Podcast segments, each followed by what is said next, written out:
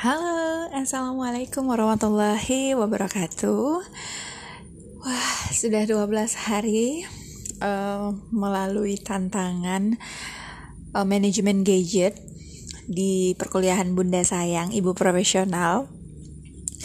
Rasanya sangat bahagia sekali um, bisa melalui tantangan walaupun memang masih banyak kurangnya, masih banyak eh, hal-hal uh, yang harus terus di harus ba, harus terus ditata dalam manajemen gadget karena ini adalah uh, hal yang sangat menantang dalam keseharian uh, orang saat ini karena semua orang biasanya punya handphone dan handphone ini bisa jadi hal yang baik tapi bisa juga jadi hal yang buruk.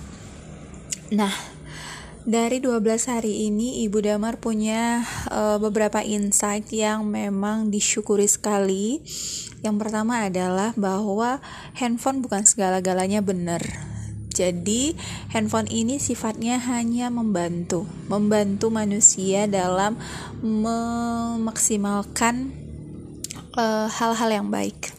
Jadi, kalau misalnya kita terpaku pada gadget, uh, pada handphone, akan banyak mudaratnya. Apalagi bagi ibu-ibu rumah tangga yang uh, punya kesibukan sebagai uh, jual penjual online seperti Ibu Damar ini juga cukup challenging. Karena apa? Karena uh, mau nggak mau harus cek handphone untuk memastikan orderannya uh, direspon. Karena takutnya kan uh, pembeli pengennya cepet eh taunya kita punya kandang waktu yang berbeda dengan waktu si pembeli. Nah, di sini Bu Damar juga memiliki insight kedua yaitu bahwa rezeki tidak akan pernah tidak akan pernah ketukar. Jadi kalau memang gara-gara kita nggak pegang handphone, nggak nggak fast respon, ya udah itu bukan rezeki kita gitu. Tapi yakinlah rezeki itu akan datang ketika kita memang mm, mengutamakan hal-hal yang lebih daripada sekedar materi. Yes. Eh. Yang ketiga adalah uh, penyesuaian diri. Jadi memang uh, kadang kita butuh me time untuk nonton, kemudian untuk sekedar chit chat dengan teman. Tapi ingat itu ada waktunya dan uh, tidak boleh terlena.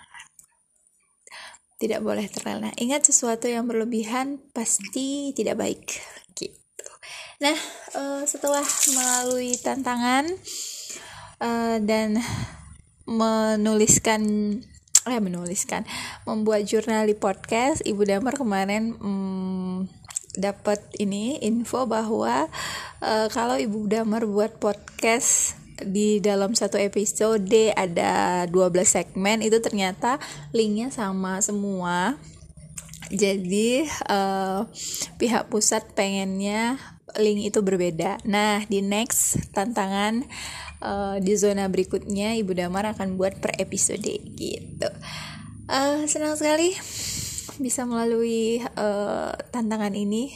Insya Allah masih terus semangat untuk belajar lagi menjadi seorang ibu yang bisa disayangi oleh anak, disayangi oleh uh, suami, dan disayangi oleh orang-orang yang orang-orang di sekitar.